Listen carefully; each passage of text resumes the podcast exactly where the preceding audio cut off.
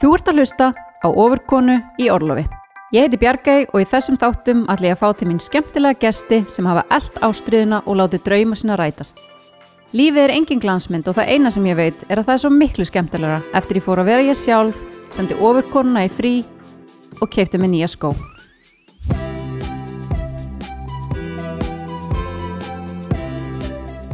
Í dag er ég komin á alveg indislegan stað. Ég er komin upp í bústað til algjörlega magnarar konu sem ég ætla að fá að taka viðtal við í dag og ég ætla að kynna hana til leiks eftir augnablík.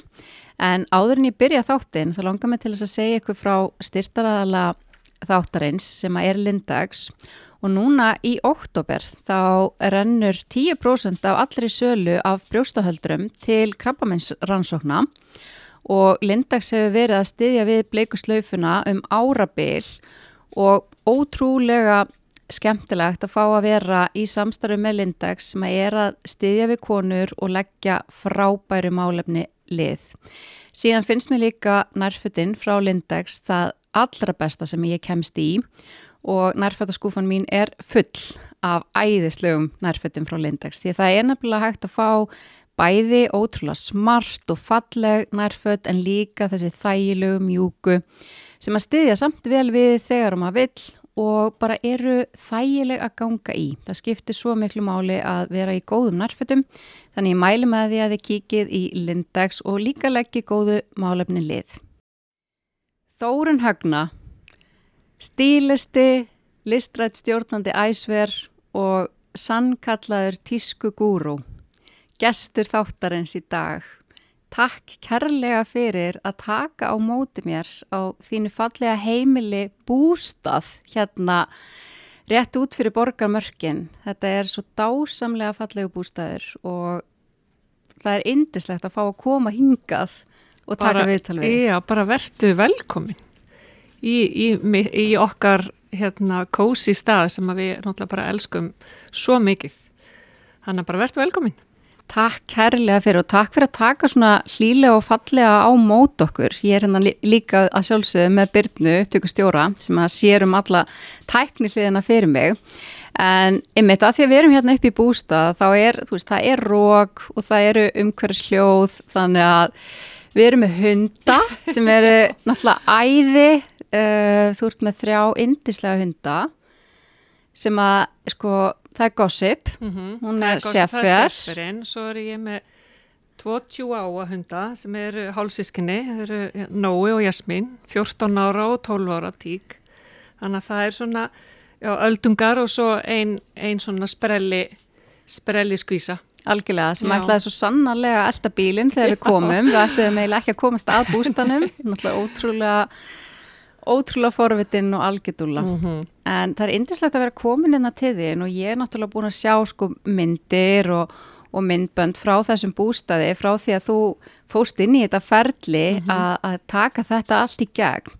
Segðu mér örliti frá því hvernig byrjaði þetta æfintýra alltaf? Því að þetta var nú ekkert eitthvað svona bara innfalt Nei, þetta byrjaði við erum búin að eiga þessa lóð eða vorum búin að eiga þessa lóð í þrjú ár áður við fengum þetta hús og uh, við sérst áttum hús á þingvöllum og keiftum það sérst til flytnings og svo bara gekk það tilbaka og hérna og þetta er einhverju, þetta hús uh, bara svona, ég bara vil segja að það bara kom til okkar.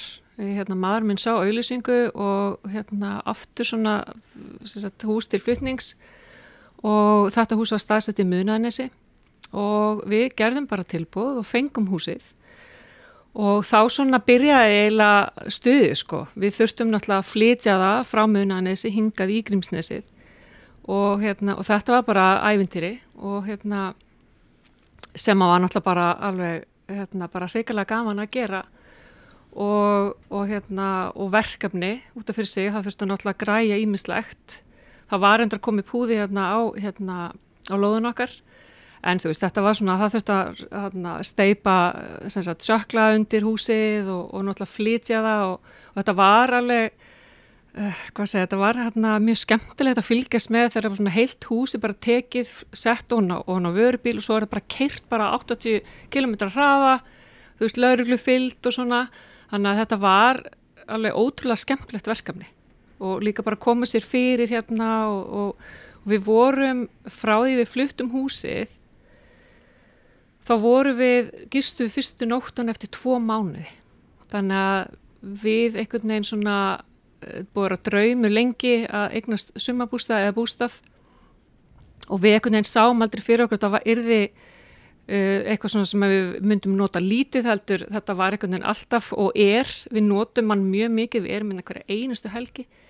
Þannig að hérna já, þannig að við eftir tvo mánu vorum komið heittvatt, það var komið ramagn og við vorum byrjað að nota húsið þannig að þetta er svona og eins og segja, erum hérna hverja einustu helgi og þetta er bara búið að vera maður er einhvern veginn alltaf að dúlla og við erum náttúrulega, við erum, erum hvergi næri hætt, við erum eftir að gera fullt inn í kring, koma, koma hérna, sem sagt, klára að gera pallin og það er svona ímislegt þannig að þetta er bara þetta er bara best Já, það, ég nefnilega finn það líka með, þegar ég kemingað að þetta er heimilið þitt, mm -hmm. það er svona tók ég það mitt fram, mm -hmm. þetta er ekki bara bústæður maður finnur það að þetta er heimilið þitt og ykkar mm -hmm. og þú ert búin að gera þetta svo notalegt og fallegt og, hérna, og það er bara ævintýri að koma enga, þú fá að sjá alla fallegu hlutina þína og hvernig þú ert búin að raða og stílisera og þú náttúrulega ert algjörlega bara stílisti í blóðinu, það bara mhm. finnst maður finnir það og þú ert að hugsa út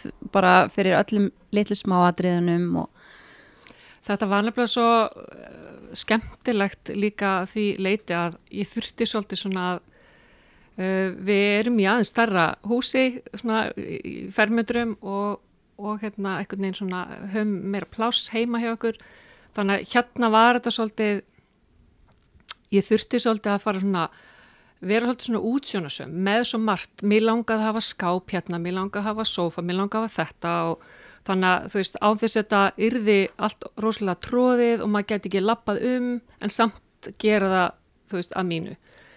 Og það var mjög skemmtilegt hérna, þegar ég var að mæla allt og svo þurfti ég að hérna, kom ég oft með eitthvað henga, þú veist, dröslaði því á kerrunni og svo passaði það ekki og ég þurfti að skila því og svona, að því þetta er nefnilega svona, já, þú veist, þannig að það myndi passa akkurat inn í þann, eh, inn í það rými sem ég var að hugsa á svona, þannig að þetta er, hérna, Já, þetta er bara alveg fellega skemmtilegt, finnst mér. Já, og hefur tekist alveg rosalega vel til hjá mhm. þér og maður sér bara um eitt hvað þú ert búin að vera að nostra við mm -hmm. svona hvern krók og kýma í mhm. raun og veru og það er svo gaman að vera hérna og bara sjá alla þessa fallegu hluti sem hefur verið aðað á svo skemmtilegan hátt mm -hmm.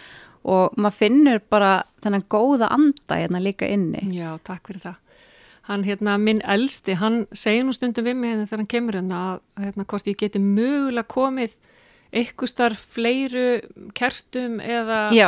einni bóki viðbót hvað hann eigi að setja frá sig glasið og svona að, og ég alltaf bara svona já og öruglega alveg rétt hjá hann menn þetta er einhvern veginn svona, að ég veit ekki ég, mm -hmm. hérna, svona vil ég hafa þetta Já og þetta, svona, þetta umfaðma þig, þú mhm. finn, maður finnir það þegar maður kemur hérna inn mm. og það er líka þessi skemmtilega svona mýkt, þú veist, þú ert með svo mikið af fallegum púðum og teppum og svona hlýefni mm.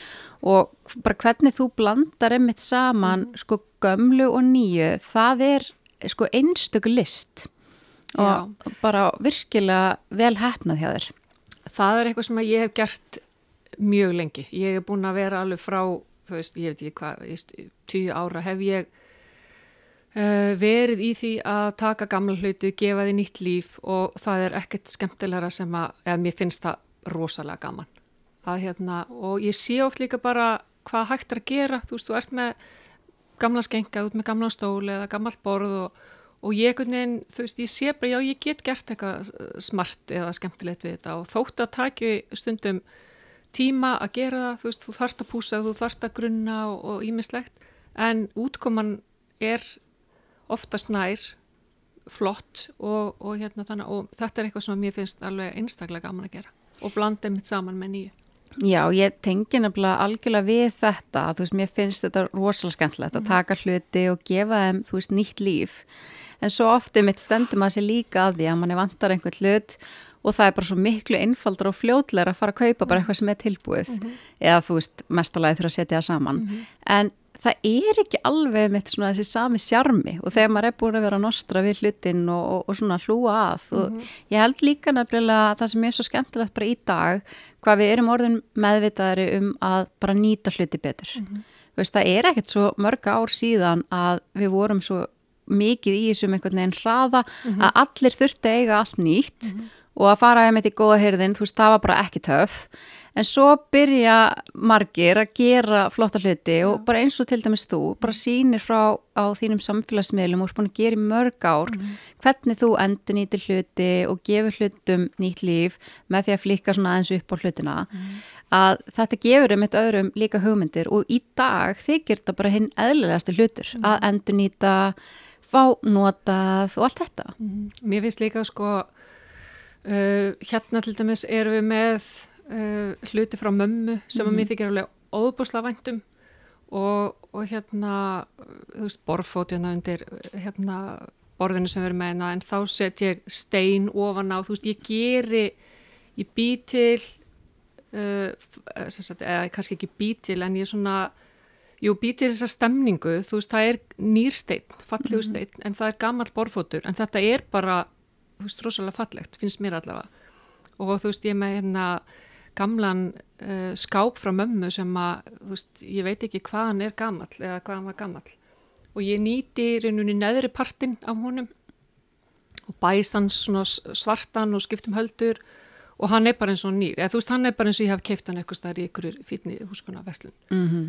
Og hérna, en mér finnst líka þetta svona, þetta hefur svona, svona tilfinningarleg gildi fyrir mig og, og hérna, og maðurinn minn er oft bara, hann sko, hann eiginlega bara svona bakkar, af því að hann, hann treysti mér, en, en stundum er hann ránkólurinn auðvunum að bara svona, ok, þá erum hvað ert að fara að gera núna?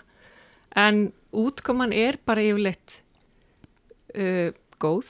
Já, já, og hann veit og, það. Og, já, og hann sáttur við það, skilur og hann einhvern veginn, já segir og sjaldan neyfi mig þegar ég ekki fæ ykkur hugmyndir hann er, við erum náttúrulega búin að vera saman lengi og hann þekki mig og, en auðvitað hef ég náttúrulega líka eins og róast og svona en, en hérna en mér finnst mér finnst óbúslega gaman að blanda saman svona Mhm. nýju og, og, og Já. hluti með sál Mhm.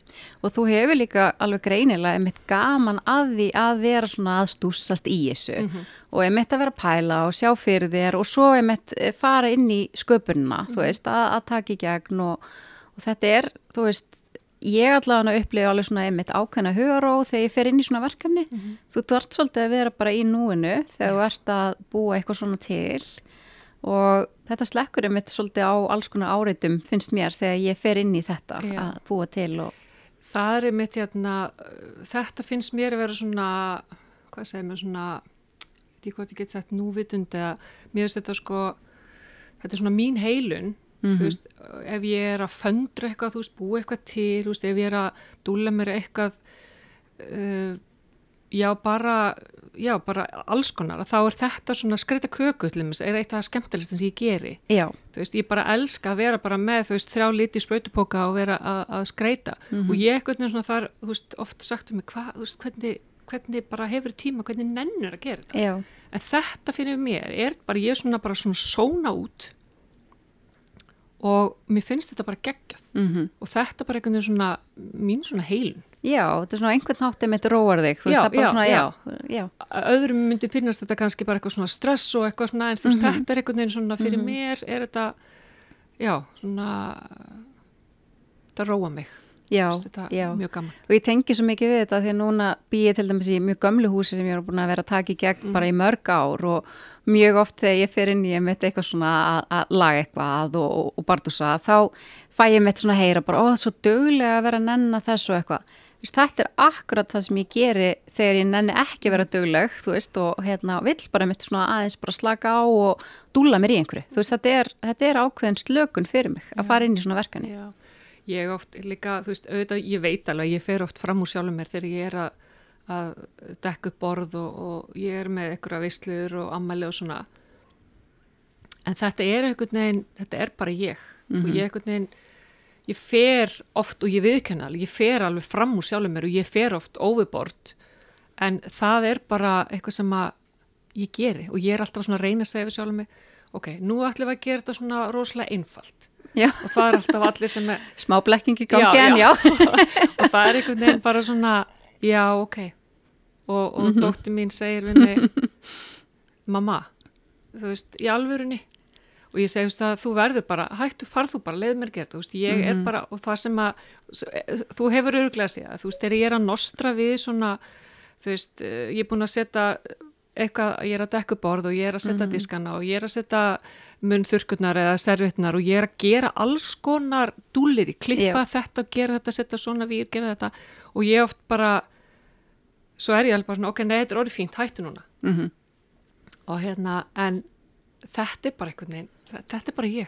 Já, og, og þú hérna, ert svo rosalega góð í að gera þetta vel. Og þegar ég horfi á þessi fallegu borð sem að þú skreitir og dekkar þá, þá ímynda ég mér alltaf um eitt bara hvað, veist, hversu geggjað væri að sitja við þetta borð og upplifa þú veist þessa fegurð að því að mér finnst til dæmis bara þetta að leggja fallega á borð vera sko mjög stór partur bara af upplifinni sem að þessi samveru stund er að borða annarkvæmst með fjölskyldunum sinni eða góðum vinum. Og þegar maður er einmitt að halda bóð og, og bjóða heim og þetta er mitt með þessa veislur og svona að sko þú ert að skapa ákveðið svona rými fyrir samveru og skapa minningar og allt þetta. Og mér finnst þetta bara að hafa áhrif á heildarmyndina. Og ég veit alveg að margir eru bara ekkert að spá í þessu og bara vilja bara henda matnum á borðið og allt það. En ég, ég er alveg með þér þarna. Ég held ég þurfa að fá þig í matabóti mín vegna þess að þegar ég eins og fyrir jólin og, og áramötun og allt svona, þá er ég og páskar og allt þetta, þá er ég alltaf svona, þú veist byrja að spá svona, ok, hvað get ég gert og, og gera eitthvað nýtt og eitthvað svona og, og í fyrra þá var ég eitthvað svona, æ, ég ætla að gera bara eitthvað svona einfalt eitthvað, þú veist.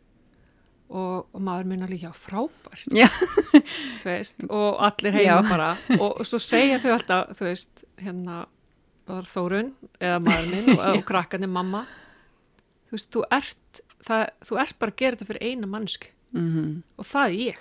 Já, eða ég er að gera þetta fyrir mig Mhm. og ég segi bara, ok, ég er að gera þetta fyrir mig þú veist, af því að þeim er svo alveg sama. Já, ok. Af því þau eru ekkert þau bara hendur sér til hliðar og bara hvað er maturinn sko. Mhm. en, og, og, og ég er að því ég er að gera þetta fyrir mig. Já, annars væri ég ekki að þessu þú veist, en, en hérna auðvitað væri ég alveg stundum til í að svona, hérna, væri til að færa hérna skrautið hérna svo ég geti borðað en, en hérna sjáu þið ekki hvað ég er búin að leggja mikla vinnu í að gera þetta notalegt fyrir okkur já, það já. var einmitt í, einmitt í fyrra sem að ég held að alltaf hafi ekki bara verið dóttir minn sem sagði Mhm.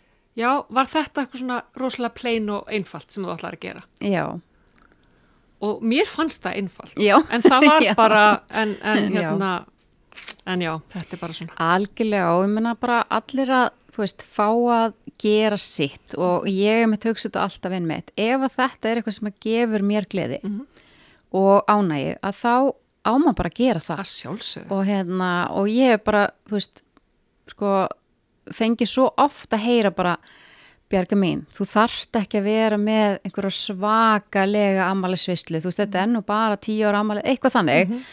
Og það er ekki einhvern veginn hugsunin mín eitthvað að þetta þurfa að vera svo svakalegt og rosalegt. Ég hef bara svo gaman að þessu.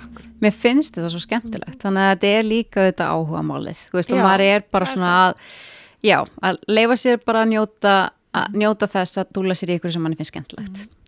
Það er bara eins og, veist, ég bara frá því mann eftir mér bara sem bara krakki. Mm þá var ég að, þú veist, raða inn í herbygginu mínu, þú veist, einhverjum litlum stittum og, Mhm. og ég var alltaf, herbyggin mitt var alltaf bara, ég bjó alltaf um rúmið og þú veist, þannig að þetta er eitthvað bara, þetta hefur bara fyllt mér, Já. alveg, uh, já, þú veist, og ég fór hérna ekki út úr húsi eh, nema búið með rúmi hjá mér og ég bara vildi koma alltaf upp og það var bara allt reynd í eldúsinu og þú veist, þetta er alveg pínu klikkurugla, en En þetta er eitthvað svona sem að ég bara einhvern veginn gerði og ég, þú veist, um, ég setti föt fyrir krakkana mína, þú veist, bara í skólan, þú veist, Mhm. dress og ég gerði það ennþá þetta með hennar litlu mína. Hún, hún er bara með, hún velur bara, ég er bara búin að gera föt fyrir hana út vikuna -hmm. og ég sjálf alltaf búin að svona ég myndi segja 90% tilfell er ég búin að ákveði hverju ég ætla að fara á morgun. Mm veist, og þetta er náttúrulega eitthvað veist, en að því að ég er bara einhvern veginn þetta hjálpar mér líka bara einhvern veginn inn í daginn veist, það er bara, veist, nóg að gera hjá mér og mér er bara gott að vera búin að ákveða mig í hverju ég ætla að vera -hmm. þú veist st- og það meiri segja sko hefur komið fyrir að ég hef sko uh, alltaf að fara í já, alltaf að fara í þessum skóm og svo þarna fer ég upp og ég er bara svona já, ok, það er snjór. Ég ætla samt í skónum. Já, og ég læt mig hafa, ég fer bara í ballerína skónum sem að, þú veist, ég örgulega eðilega á leiðin út í bílskilur Mhm. en þú veist, og þetta er bara þetta er bara fyndið, þetta er bara skemmtilegt. Og það er svo gaman að þú leifir okkur að skiknast inn í lífið þitt með því að vera með Instagramið sem er náttúrulega gullfallegt. Og sko ég ætla bara að leifa mér að segja að mér finnst þú vera best klæta kona Íslands og, og það er ekkert, þú veist, ég er ekkert að íkjaða neitt, mér finnst bara sko fatastíliðin er svo geggjaður. Takk fyrir. Bara þú ert alltaf svo töff. Þú veist að maður finnur alltaf svona þetta væp þú veist þú ert svo mikil töffari. Og það skín alveg í gegn. Og svo sama tíma að þá ertu svo elegant. Og ég hugsa alltaf svo mikið svona Þórun er svo glæsileg kona og, og þú, þú náttúrulega ert sko náttúrulega glæsileg. En svo gerir þig sko enn glæsilegri með þessum sko fallegu fötum sem þú átt. Og þú náttúrulega bara sko fataskápinu þinn er náttúrulega to die for sko. Og ég fæ bara stjörnur í augun þegar ég sé all fallegu fötin Já. þín og, og skóna og fylgirlutin og allt það. Og bara þér að segja þá hérna ert þú nú bara átt stóran hluti í því að ég hef eitt aðeins og mörgum þúsundkvöldum í alls konar Gucci dóts. Að því að þú bara, maður horfir á og bara vá, ok, ég verða eignast þetta. Og bara, þú veist, og ég sé nú kannski ekki bynd að kópera, sko, eh, alls ekki. En bara, þú veist, þetta, þessi stíl þinn hann er svo fallegur. Og það er svo gaman að fylgjast með þér líka hvað þú ert óhrætt við að fara þínar eigin leiðir í fatavali og maður sér enga aðra konu klæta eins og þú Nei. Það, það er e- eitthvað líka sem að mér finnst vera svona svolítið mikilvægt að, að líka bara að vera maður sjálfur mm og, og eins og bara með þú veist, fatastíli minn og líka bara heimil mitt og bústæðin og mér langar líka bara að skapa minn eigin stíl -hmm. Og, og ég hef einhvern veginn aldrei verið hrætt við það að, að, hérna, að klæðast bara hinn á þessu. Ég einhvern veginn og mér er alveg sama hvað öðrum finnst. Og hérna alveg frá því að ég, já eins og ég segi bara frá því að ég var hérna krakki þá eins og ég var að segja áðan með að vera að raða í hillur og heima hjá mér, nei heima í herbygginu mínu. Og, og mamma sauma á mig einhverjar buksur sem að ég sá sem ég varða eignast og hún bara, þú veist, einhvern veginn já, ég bara ég var alltaf búin að finna mér eitthvað til þess að fá í ammalskjöf, jólagjöf, skó, þessa skó, þessa úlpu Mhm. þannig ég hef haft svo mikið áhuga á þessu svo lengi Já, og eitthvað tíman þá vorum við að hlæja því ég og sýsti mín, ég sagði en ég færi aldrei út með rusli nema að setja á mig maskara þú veist og þetta var eitthvað svona já, já. eitthvað svona, já, hlóum að þessu en, en hérna, og þetta var bara eiginlega engin lígi, skilur, vegna þess Mhm. að ég fór ekki út með rusli nema að fara bara í já.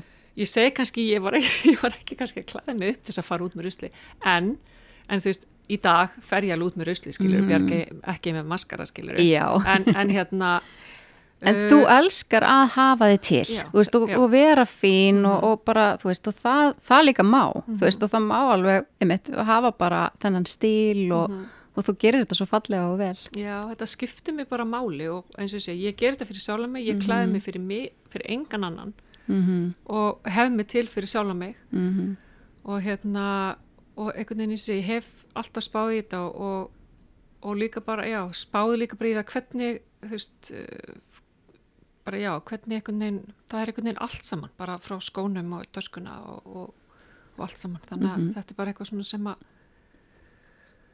mér finnst bara alveg ótrúlega gaman og pæli mikið í Mhm.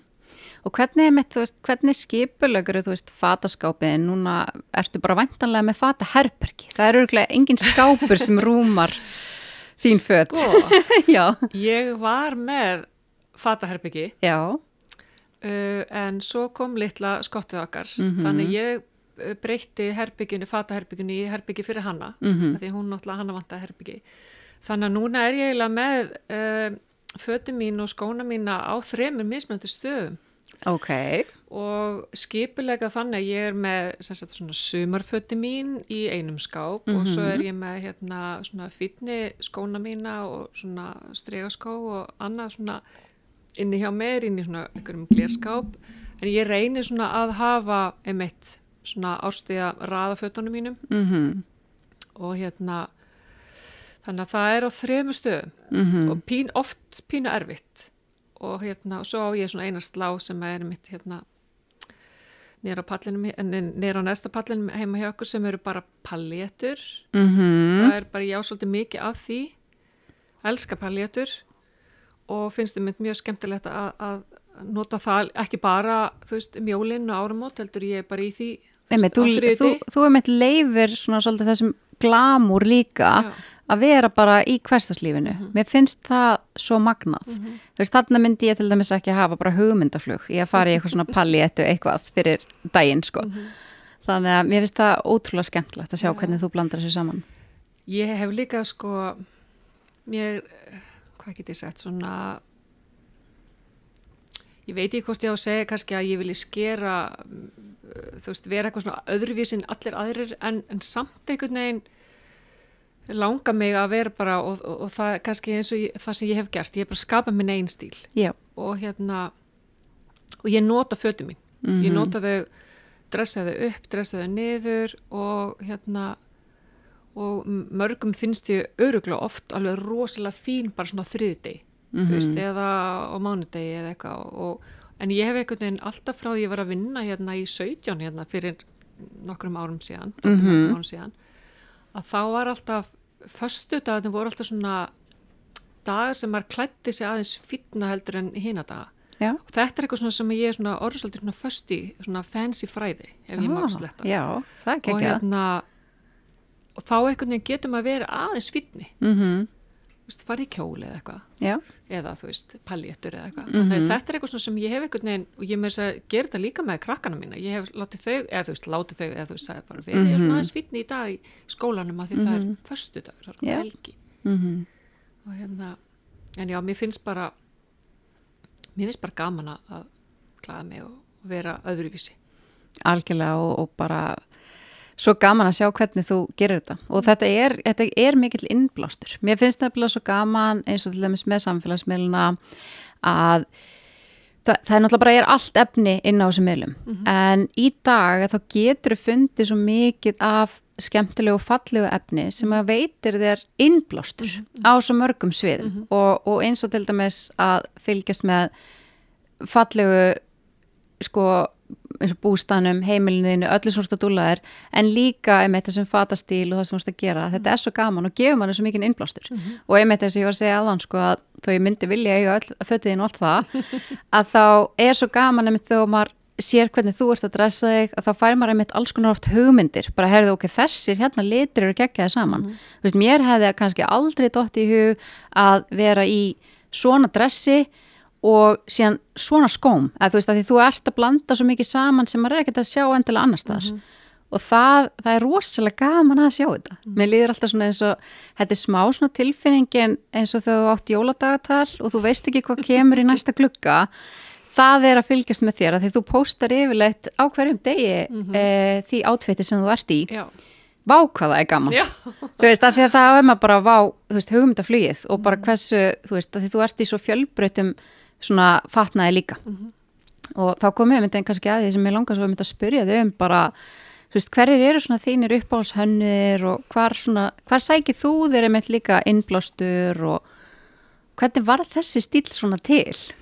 Um, ég er svolítil alæta á tísku og það er kannski engin svona einn hönnuður beint sem að er svona í uppáhaldi hjá mér um, eins og er allavega. Ég er svona, þú veist, ég veginn bara sé ykkur að flík og þú veist, hvors, og, og ég veit ekki hvort, eða þú veist, skiptir ekki máli hvað hönnuð það er. Mm -hmm.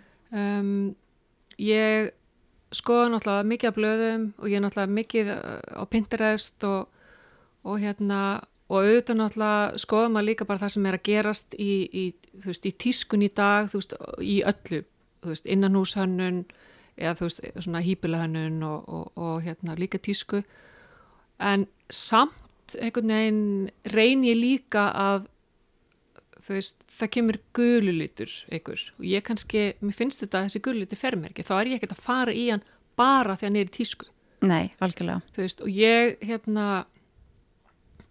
uh, frekar þá bara býð mig til eitthvað annað, skilur, þú veist, mm -hmm. ég mhm. kaup mér alveg, þú veist, snið og, og allt það sem að, þú veist, margt sem kemur í búður sem að er í tísku, fattaru, mm -hmm. en, en ekkit endilega bara því það er í tísku, skiluru, eða þú veist hvað ég er að meina. Já, bara algjörlega. Og, og hérna, svo finnst mér líka bara, þegar ég er að ferðast, uh, þá fæ ég inblástur, þú veist, ég sé mhm. eitthvað í bara eitthvað flotta gínu, eitthvað, já, þetta er skemmtileg samsetning mm -hmm, og, mm -hmm. og ég sé, hérna, um, já, bara, þú veist, svona strítstæl, ég mm -hmm. elska svona gödutísku. Reyndar finnst mér hún, hérna, Carrie Bradshaw í Sex and the City, hún, ég, ég hugsa hún sé svona Ég gæti sagt fyrirmynd, mér finnst hún einhvern veginn nánast alltaf flott, mér finnst hennar stílalegu rosalega skemmtilegur og, og ég alveg hef tekið svona stundum svona frá henni svona, og gert það mínu. Svona, mm -hmm. Mér finnst hérna, ég reyni allavega að kópera ekki frá öðrum alveg, skilum, ég finnst Já, ég svona uh, fæ hugmynd og það er líka bara eins og þegar ég er að gera bara, þú veist, skreita heimili mitt eða, eða búa til eitthvað, þá, þá langar mig að gera það af mínu eigin, ekki að kópera nákvæmlega það sem aðrir er að gera. Og ég ekkert neginn, það er það sem ég svona reyna alltaf að gera. Just. Og það tekst rosalega vel hjá að því að Já. þú ert með mjög einstakann en ótrúlega fallegan stíl. Mm.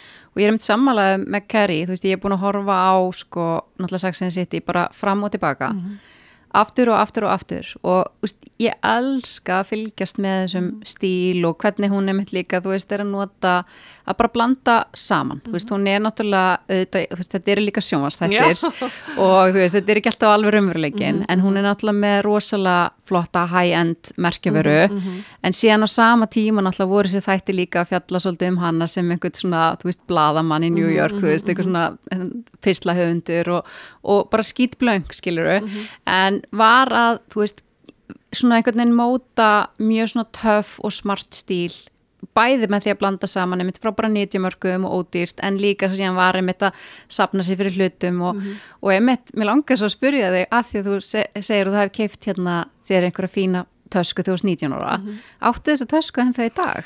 Sko uh, ég á þessa tösku en ég finna hana ekki, hún er úti í bílskur í einhverjum kassa og ég, já ég á hana til og, ég, ég, já, og meiris að ég á tvær. Ég keipti mér svo aðra tösku og þær er út í skúr. Já. ég bara þarf að finna þær. Ég, þegar við fluttum og þá ekkert neginn já, hún er eitthvað starf eða þær. Og hvernig taska er þetta? Heri, þetta, er svona, þetta er svona lítil þetta er svona crossbody taska. Ég skal bara, veistu, ég skal sína mynd af henni, mm -hmm. af því að þessi, þetta er náttúrulega svona vintage í dag. Já. Og hún er bara, ég manum þetta að hérna, eitthvað tíma þá sagði, ó, ég man ekki hver það var uh, að ég heiti svona kettlingataska og ég segi bara, ha, þetta er kettlingataska hvað meinar þú? Þú veist, þetta er bara, þetta er rosa flott gútjutaska mm -hmm. og hún er sérsagt með, hérna ekkert ósöpu stærð á taskan sem þú ert með mm -hmm hérna, en er í þessu monogram hérna brúna mm -hmm. með litunum græna og rauða hérna yfir. Já, okay, Vist, og svo bara renn, rennilás og, já, og ég mani mig þegar ég fór og keipti mér þessa tösku það er kannski svona pínu skemmtilt að segja frá því að, að ég var á námslánum á þessum tíma og náttúrulega var leiðið mér íbúð og svona og ég hérna ákvað það bara að því mér langaði svo óbúslega mikið í þessu tösku. Mm -hmm. ég ætlaði bara að lifa bara rosalega spart til þess að geta keitt mér þessu tösku og ég held að ég hafi borðað þú veist pakk og ett og núðlur í, í mánuð og drakk bara vatn svo ég geti keitt mér þessu mhm. tösku Já. þannig að ég fórnaði smá fyrir það mm -hmm. en hérna en hún, hún veitti mér alveg óbúslega mikla hérna hafingu á þeim tíma Já. sem er náttúrulega, þetta er náttúrulega bara að finna að segja frá sig en hérna, En þetta er, þú veist, maður finnur það bara, veist, þetta er ástriða hjá þér. já, það er Þetta er raunverulega bara ástriða Já. og, og þú sér þessi fegurð og, og svona í hönn, fallegri hönnun Mhm. og mér finnst þetta svo gaman að tala við þig um þetta því þú veist, ég hef mikinn áhuga á hönnun Mhm. og tísku, mér finnst þetta svo skemmtilegt þó ég hafi ekki kannski í rauninni bara leift mér mm fyrir en kannski síðustu bara ár Akkurat. að svona, já, ég ætla að fá mér uh, fallega tösku sem að mér er kannski búin að dreyma um lengi Mhm. og ég veit alveg að hún er mjög dýr og ég gæti örglega, þú veist, freka sett hennan pening bara inn á borgin og húsnæðislánið eða eitthvað, þú veist, það væri mjög skynsanlegt að gera það. En það gefur mér bara rosalega mikla gleði að vera með fallega tösku og, og njóta þess. Og mér finnst þetta nefnilega líka sem þú talar um að nota fötin sín og nota dótið sitt. Ég ger það, Vist, ég er ekki að, að hérna, fela Gucci-töskunar í einhverjum svona dustbags upp í Nei, skáp nei, nei. og bara taka þegar ég fer á ásatíð, þú veist, ég bara noti þetta í daglegu lífi, af því að það er líka það sem að gerir svona hlutina við svona persónlega og þú sér bara þú veist, það má alveg sjá aðeins á dótinum hans. Mér finnst Já, það, algjörlega. þú veist, þó ég fari líka mjög vel með það, en bara að, að maður sé að nota þetta. Ég hef mitt hérna að því er líka ég er búin að hafa áhuga fyrir svona lengi að ég líka bara þú veist, ég bara sem sagt sapnaði mér fyrir, þú veist, mér langaði í þessa tösku eða mér langaði í þessa skó og ég sapnaði mér bara, ég laði bara til hliðar. Þú veist, svo fekk ég peningi fekk, og ég var bara með þú veist svona umslag sem að var bara sem að stóð bara Gucci-taska eða Já. vittuntaska skilvi Já. og sapnaði mér bara, mm því það eru þú veist það er ekkert allir og á þessum tíma þá náttúrulega bara maður lappar ekkert bara út í næstu búð og náttúrulega segast, ekki hér, vegna þetta er ekki til hér. Jú, reynda núna er þetta til Já, já, komin einn búið núna að selja. En, en þú veist, að þú kaupir kannski ekki tösku sem kostar mörgundur þúsund bara, þú veist, klára launiðin æfattaru, þú veist, þannig að Nei, og og, og ég líka, ég fór í, hérna, þú veist, núna síðustu ár þá fer ég og sel föti mín sem ég er hægt að nota og þú veist, og, og þannig ég er svona líka endurnýta þar. Já, og hérna, þannig að en þetta eins og segi, þetta er bara áhugi og, og hérna ég held að maðurinn minn veit alltaf einhvern veginn það er alltaf eitthvað sem er langar í Já. það er alltaf eitthvað svona þegar það kemur að ammæliskjöf eða jóla, jólagjöf Mhm. eða eitthvað svona þá er alltaf, ég er alltaf, ég segi kannski ekki sem er list en ég er alltaf, það er alltaf eitthvað sem er langar í já, einhverja svona hugmyndir og eitthvað Já. sem þú er búin að sjá fyrir þér Já. já, og, og svo eins og segi, ég nota töskuna mínar, ég nota skóna mína þetta er ekki bara upp í hill já. og þú eru að segja okkur leyndamálið hvað þú átt marga skó veistu hvað þú átt mörg fyrir skó Ég veit ekki hvað ég á mörg pöra skóm. Eitthvað tíman taldi ég þá. Það er doldi langt síðan.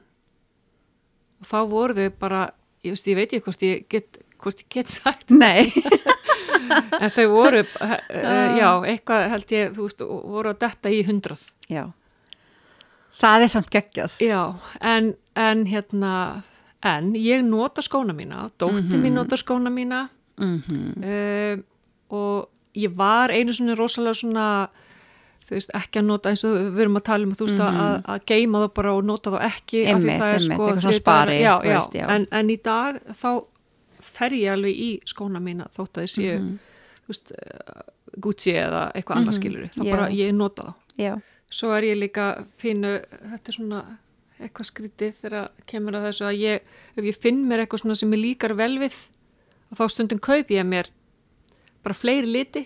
Já, já, og á kannski sama jakkan í fjórum litum, á kannski sömu skóna í þrem litum. Mm, það er enda mjög sniðut af því að, að því að mér finnst það bara að þægilegt og hérna og það eru svona kannski, ég veit ekki hvað ég segja, kannski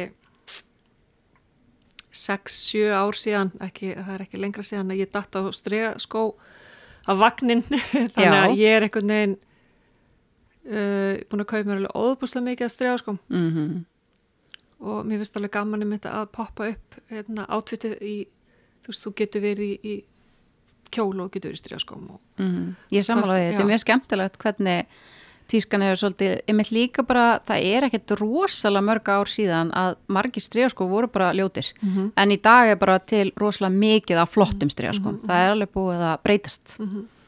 Þannig að það er skemmtilega tíska Já, og svo treflar og svona klútar Mhm. og, og það er, já, ég veit ekki, ég er, er komin öruglega aðeins og mörg strega sko, hann að pöruna þeim heima hjá mér núna. En skór og töskur mm er bara eitthvað svona sem ég er bara, bara minn veikleiki, alveg Mhm. alla daga og þetta er eitthvað svona, uh, já, ég er einhvern veginn, þetta er bara minn veikleiki. Ég held að ég geti alveg viðkjönda að það er bara... og er það ekki bara lægi? Jú, ég, ég bara eins og segi, ég hérna, og, og mér einhvern veginn, þú veist, já, bara fallegi skór, þú veist, ég held að maður geti verið í, hérna, það var nú eins sem sagði við mun daginn sem ég fannst nú, það var nú bara skemmtilegt, hún sagði, ég, get, ég myndi öruglega ná að- stíla þessara svartan ruslapoka á sjálfur mér og ég er flott í honum, en, Já, ég trúi því, en hérna, mögulega maður væri í flottum skóm með góða tösku, þá kannski myndi maður húla það. En já, þetta er, þetta, er, þetta er skemmtilegt. Það er þá, já, og bara vissulega, þú veist, maður þarf ekkert að eiga, þú veist, svona mörg skópur eða neitt slíkt og ég er sko ekki nálagt þér. En þetta er eitt af markmiðunum mínum í mínu lífi. Já. það er bara að, hérna, já, bara eiga svona fallegt skósam. Mér finnst það bara ótrúlega flott Já. og hérna, og ég elska saman skóm, ég ætla bara að viðkynna það.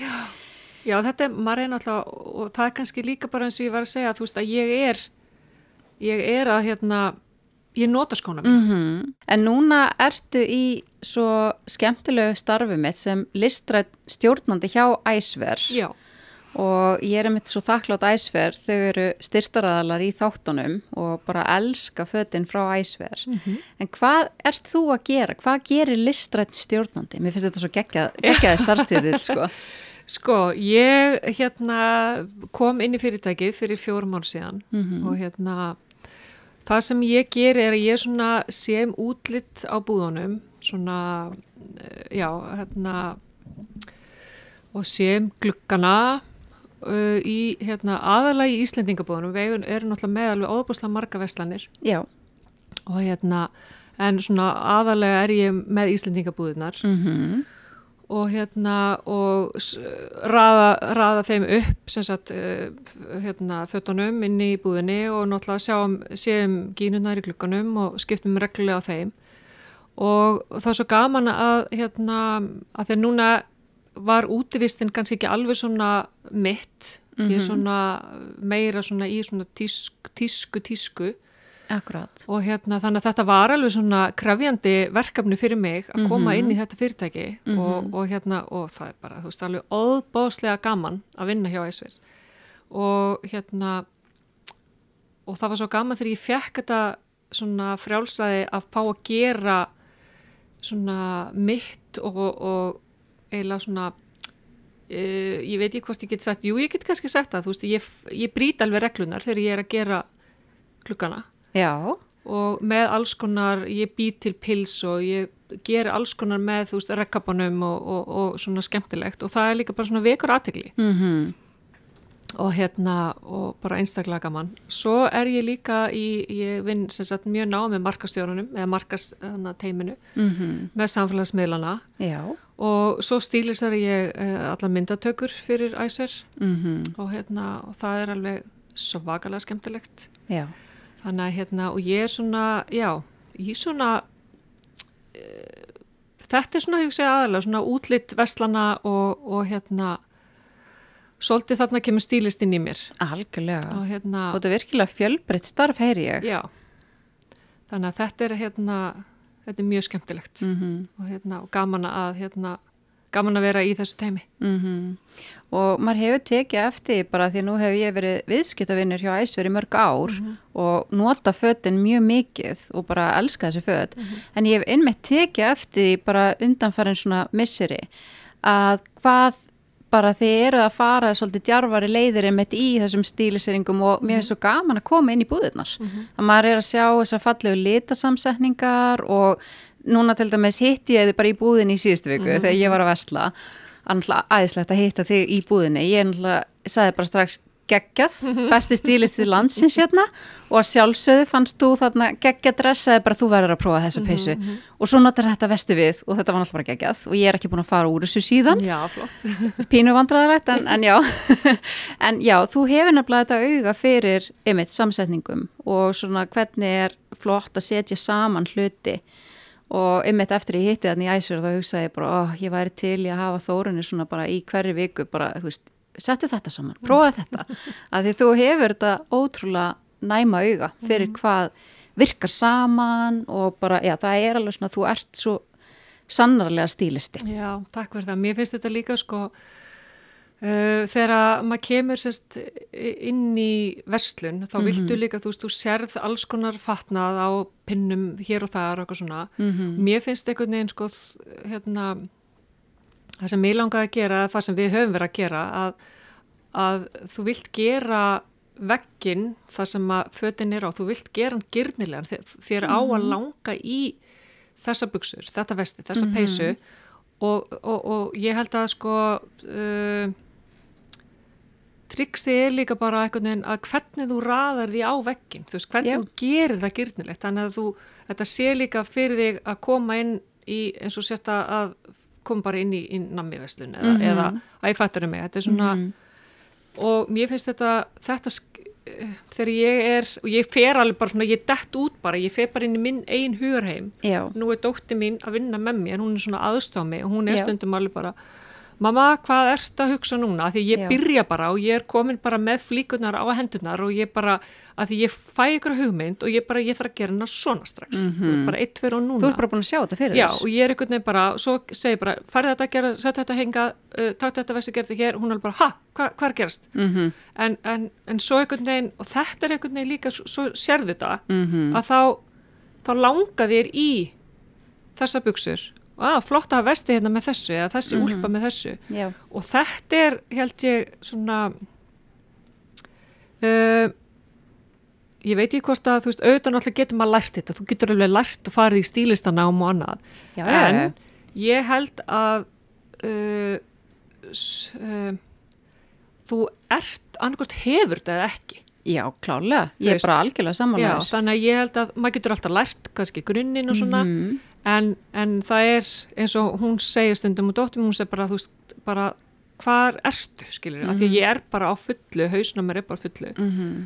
og náttúrulega enginn kemst þar nema ég en, en hérna og en á, en svo, samt er ég líka að kenna henni, þú veist mhm. að, að hérna ég er alltaf svona, þú veist, þú þart líka að því að ég kannski breyti ykkur mm -hmm. og svo sé ég bara svona annarkvæmt gengur það eða ekki mm -hmm. og þá breytir maður því bara aftur Já. þú veist það er ekki er, þess, þetta er ekki hérna hvað segir maður hérna það má allt, það er ekkit mm -hmm. ránt og ekkit rétt, eða þú veist þetta er svona Já, bara, ef þetta gengur ekki þá breytir maður bara eftir mm -hmm. og mér finnst li, lita samsetningar og allt svona ég spá rosa mikið í þetta. Já, þú veist, í búðunum. Já, ég nefnilega veit að við eitt deilum líka þeim áhuga að finnast gaman að fara inn í fallega vestlanir og búðir og líka bara skoða mm -hmm.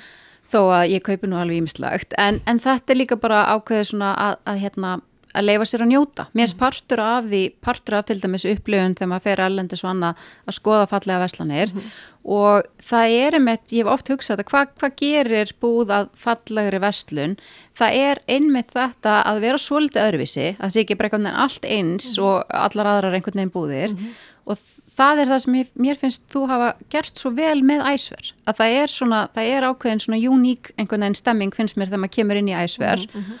og ég hef innmitt hugsað þetta hefur verið challenge að vera að fara að stílista sko bara úti vista fatnað mm -hmm. að því að hérna ég veit að þú ert til dæmis bara gegguð í að stíla sér að borskreitingar og, og, og einmitt eins og þú varst að tala um þú veist, þú hefur svo mikið áhuga á tísku og hannun og allt þetta, svo ertu alltaf inn bara komið með herði, við erum hérna með kuldaskó og við erum með úlpur og svo erum við með vellinga og trefla og þetta er bara svona einhvern veginn allt öðruvísi, hvernig ætlar að gera þetta smart og töff og að fólk mhm. komi inn og bara, ú, mig langar í þetta uh mhm. -huh. veist, og þú ert einhvern veginn með mjög næmt auga fyrir því hvernig er hægt að búa til þessa skemmtilegu stemmingu Já um og svo er náttúrulega líka útvistin er náttúrulega allt með þú ert að leira, leira, leira þú veist, þú, maður er alltaf að þú veist, það er þetta undirlega, svo ekki með þetta og þetta og þetta er náttúrulega líka eitthvað svona sem að ég náttúrulega bara uh, þurfti að læra. Og, og, en, en er samt svo, þú veist um, mér, mér finnst við einhvern veginn núna vera að gera bara tísku, mér finnst við bara æsir bara ekkert, ég, veist, það er náttúrulega ekki bara en, en æsver er náttúrulega útrýsta fyrirtæki en við erum samt einhvern veginn komin og við erum alveg töff og þetta er tíska veist, það er bara bara það ég er svo þannig. innilega sammálaður Já. og þess vegna er ég svo glöð að vera í samstarfi með æsvera því að mér finnst fötin raunverulega að vera flott Mhm. og mér finnst gaman að klæða mig í falleg útvistaföt og, og ég mitt svona að leifa sér að, að hérna, þú veist, þessi layers að þú veist, stundum þarf maður náttúrulega bara að vera mjög vel klættur, Mhm. mjög oft hérna á Íslandi. og ég hef bara svona oft í gegnum tíðina bara einhvern veginn upplifað að manni líður bara ekkert eitthvað vel í þessu, maður er komin í svo mörg föt og svo þarf maður að dúða sig hérna og hérna og eitthvað, en í þessum þægilegu fötum frá æsur sem eru líka svo smart og flott, að þá finnst mér miklu skemmtilega að klæða með því ég er bara svona ok, nú ætlum ég að fara í þennan lit, það er svona skærir og flotti litir. Og síðan líka bara svona klassist og, og vandað, bara, þetta er mjög góð og vöndu föt. og líka bara eins og segja, bara gaman að blanda þessu bara saman með öðru. Þú veist, þú, þú getur alltaf dressað, dressað þig alveg sem í hverju þú ert. Er bara, þú veist, þú þarf bara að hafa hugmyndaflug í það. Algjörlega. þannig að, já. En svo er nú eitt sko áhugamál sem að við deilum líka.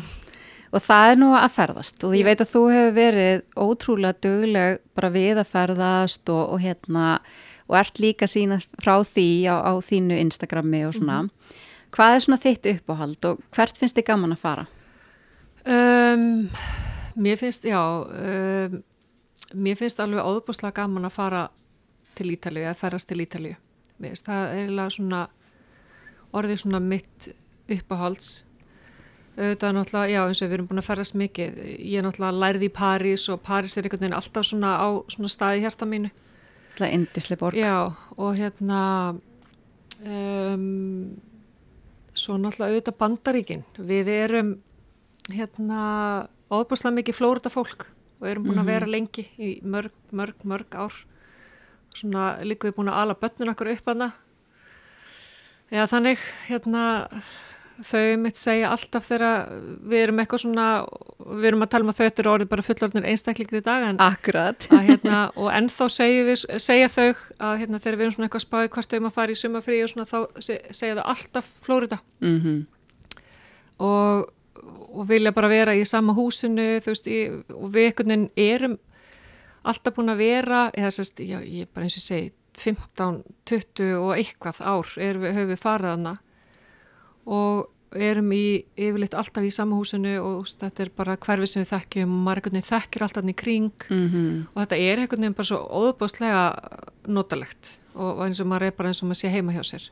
Já. en svo auðvitað náttúrulega reynum við líka og við förum reglulega alltaf eitthvað annað, við förum á nýja staði þú veist, innan fylgisins og mér finnst það líka vera, þú veist, gaman að við erum ekki bara alltaf á sama staðanum, en ég fæ yfirleitt krakkana ekki lengur en mestalega tvo daga eða tvær nætur með mér eitthvað annað.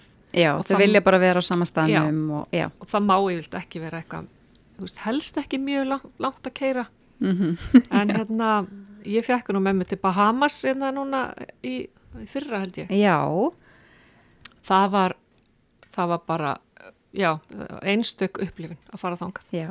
það var bara æðislegt. Og svo fallegt þarna og bara, já. Þannig, og bara eitthvað svo þægilegt að fara frá frá Orlando og Já. yfir eða fórslúti til við fórum þangað Akkurat, stuttflug Já, yfir til Nei, við Bahamas. sildum, eða- við Já, fórum með, fóruð með siglingu. ferju það var Já. bara geggjað Geggjað. Þannig að, að hérna, og eins og sé, það er, það er rosa margt að gera þarna, auðvitað náttúrulega kannski ekki þannig sem mikil menning í Flórida en, en okkur finnst einhvern veginn alltaf gott að koma hann. Við erum bara, við erum eiginlega bara svona Flórida sjúk. Já, ég tengi bara algjörlega þar. Já. Bara, mér finnst bara æðislegt að vera í Flórida og það er einmitt líka þessi fjölbreytni að bara það er svo margt hægt að gera þarna og skoða og núna er ég búin að fara alveg nokkru sinnum síðustu ár en í hverju einustu ferð er ég að sjá eitthvað nýtt. Það, Það er alltaf þannig. eitthvað nýtt að Já, sjá. það er einhvern veginn, þetta eins og þetta er svo stórt fylgi og maður næri einhvern veginn alltaf að fara meira og meira og meira. Já, mér hefur mitt fundist svo ótrúlega gaman að sjá hvað þið er að fara á fjölbreytta staði út í Flórida og þú hefur gefið mér svo marga góðar hugmyndir eins og hérna núna síðast, varst ekki, fórst ekki þá til Anna Maria Island, Island, já. já, ofbáslega fallegu staður og ég hafði ekki einu svona heyrt um hann þó ég sé búin að skoða mikið þarna og googla og skoða og allt það en ég var að sjá bara fyrsta skipti myndir frá þessum stað þegar þú varst að setja inn í vor Já, það, mitt, það var einn sem að ég þekki sem að býri mitt út á Flórida sem að er hérna íslensk og hún bendi mér á þetta og ég alveg, hvað er það? Þú veist, að því að maður er einhvern veginn búin að fara á svo marga stæði og, Mhm. Og hérna, og ég alveg, mmm, ég er að prófa að tjekka þessu og byrjaði bara svona aðeins að skoða þetta. Og ég bara svona, já, þú veist, við verðum að fara þarna. Mm og hérna svo svo gaman hefur við komum hana að þá, mér fannst við svona allt í henni vera komin í eitthvað svona uh, með þess að krakkarnir nefndi það, þú veist, það væri svona pínu svo það væri Bahamas, að þetta var einhvern veginn svona þetta var svona, þetta er svona lokal, þetta er óbúslega svona lítill svona strandbær. -hmm. Og bara golfbílar og einhvern veginn, þú veist, og ekkert svona og allir að hjóla og það var svona sérstök, eða svona einstök stemning Mhm. og, og hérna svo fórum við út að borða þarna á þarna ströndinni, eða sérst á hana, staðaströndinni og sólalagi, ég bara, ég var aldrei séð annað eins Mhm. og ég var að tala hana við einhvern mann eða það kom, kom að reyndar maður að tala við mig og Birgitu og hann segir, eitthvað, þú veist, fyrir að spjalla bara hvaðan ertu og ég segi hann það og hann segir, hver saði þið frá svona stað? Og ég segi, það er reynda einina stelpa sem ég þekki sem að býri tampa. Já, bara ekki segja neinum frá svona stað. Nei, og nú ert þú að útvarpa þessu Nei, þetta var svo en ég veit að, já, þetta er, þetta er svona einhver og því krúklega bara, sem fáir vita af Já. já. og svo horfum við hann á sólsitri og þetta var bara, ég sé, þetta er bara magnasta sem ég hef séð, maður hefur nú alveg séð í nokkur en þetta var bara alveg magnað Mhm. þetta var bara, og sjá bara hvernig fólkið bara, þú veist, það var svona bara sapnaði saman hann bara alveg í, þú veist, það bara ég alveg, hvað er að gerast hérna? Já, þá var þetta það sem var að gerast það, það, það var bara, þetta var alveg magnað Mhm. og alveg óðbúslega skemmtilegur staður, ég mæli svo með að fara já, hann er komin á listan hjá mér sko, bara eftir ég sá myndirna frá þér og bara þetta, þetta lúkar alveg rosalega vel. Já, sandurinn, bara Já. eins og púður, sjórin, bara, veist ég, bara, þetta, Mhm. þetta myndi mig á Bahamas. Já, og svo erum við bara í Flórida því að margir oft bara pæla hva, hvað með Flórida, akkur er svona geggja að fara til Flórida því ég bara elska það. Og mér finnst þeim bara þessi sko hvíti sandur sem er eins og nýri í síðasta ký og Clearwater og þessum stöðum. Þetta er allt öðruvísi heldur en evróskar strendur og svona. Þetta er, þetta er bara þetta er allt önnur upplifun mm að því nú er ég mjög mikil strandamannski og bara elska alla strendur en þessar svona hvítu strendur þarna í Flórida, þetta er bara eitthvað annað Svo er líka, við fórum einu sinni á, hérna, kerjum niður til Kívest mm -hmm. og það er lítil eiga út frá Kívest sem heitir Sunset Keys. Mhm. Það var alveg, það var bara eitt að, uh, hérna, bara, hvað getur það, bara tjúlasta sem við höfum gert. Það, og það eru náttúrulega bara kólbílar.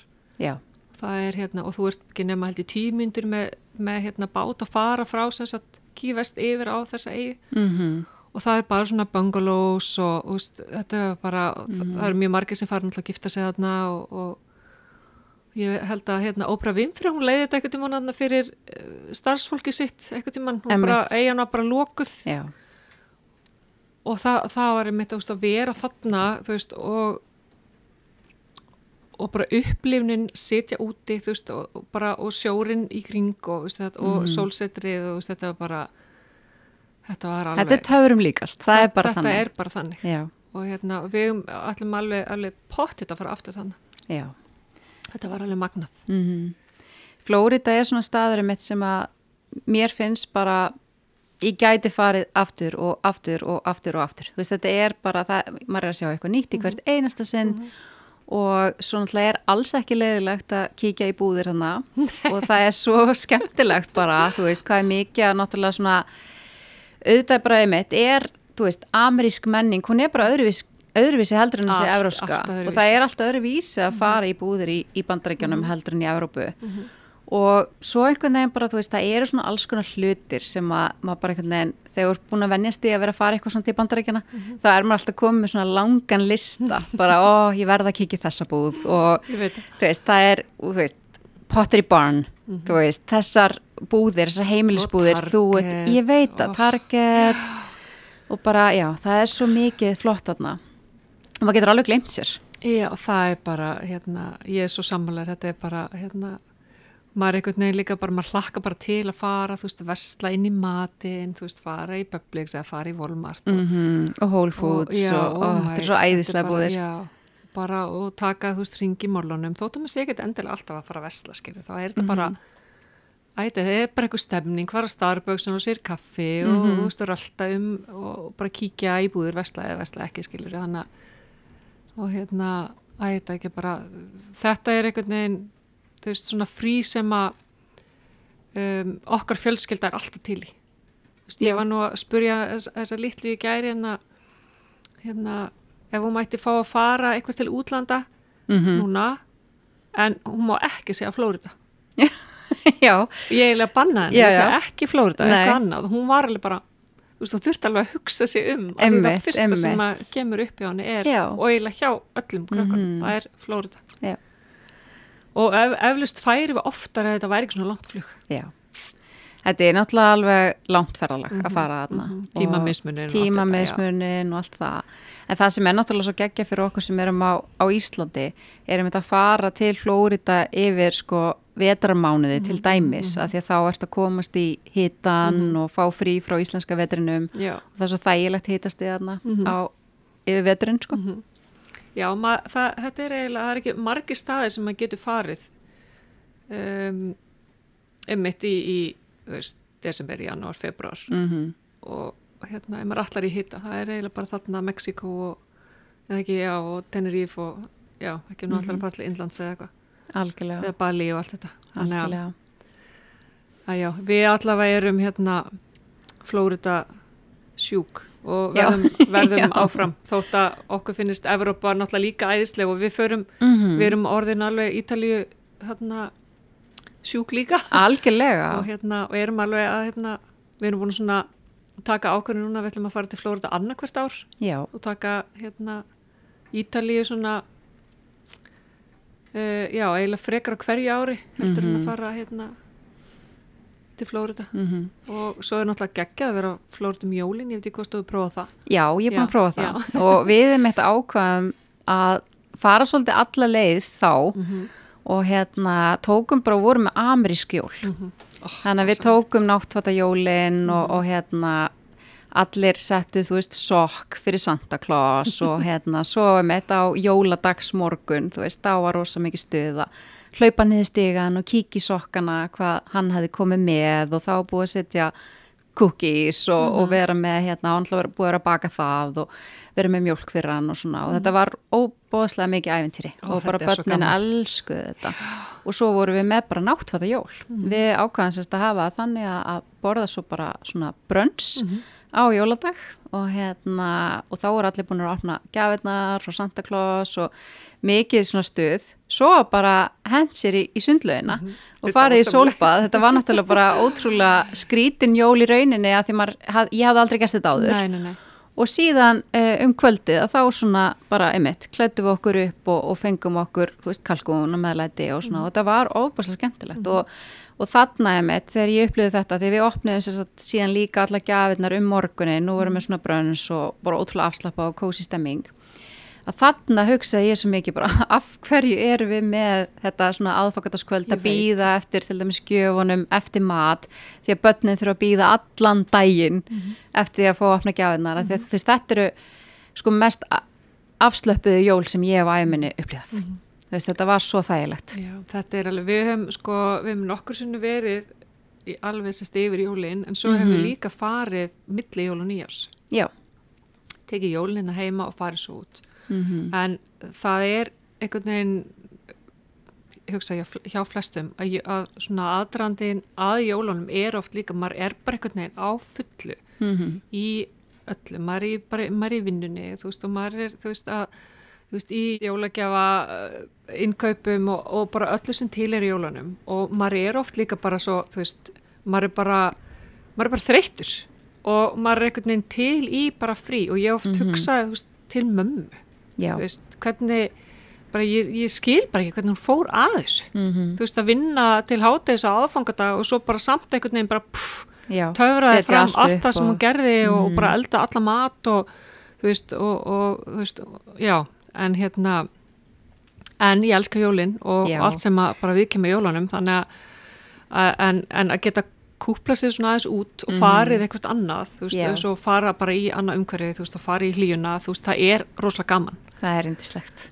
og svona eins og segja, svona öðruvísi upplifun en, en hérna, en svo lengi sem maður er bara með fólkið sitt hjá sér, að þá skiptir það ekki máli hvar maður er. Nei, ég er svo sammála því, algjörlega. Og við ætlum með þetta að hittast aftur núna fyrir jólinn og taka upp svona smá jólaþátt í okkar anda. Mm Af því að við getum nú dúla okkur endalaust við jól og skreitingar og allt þetta. Ó.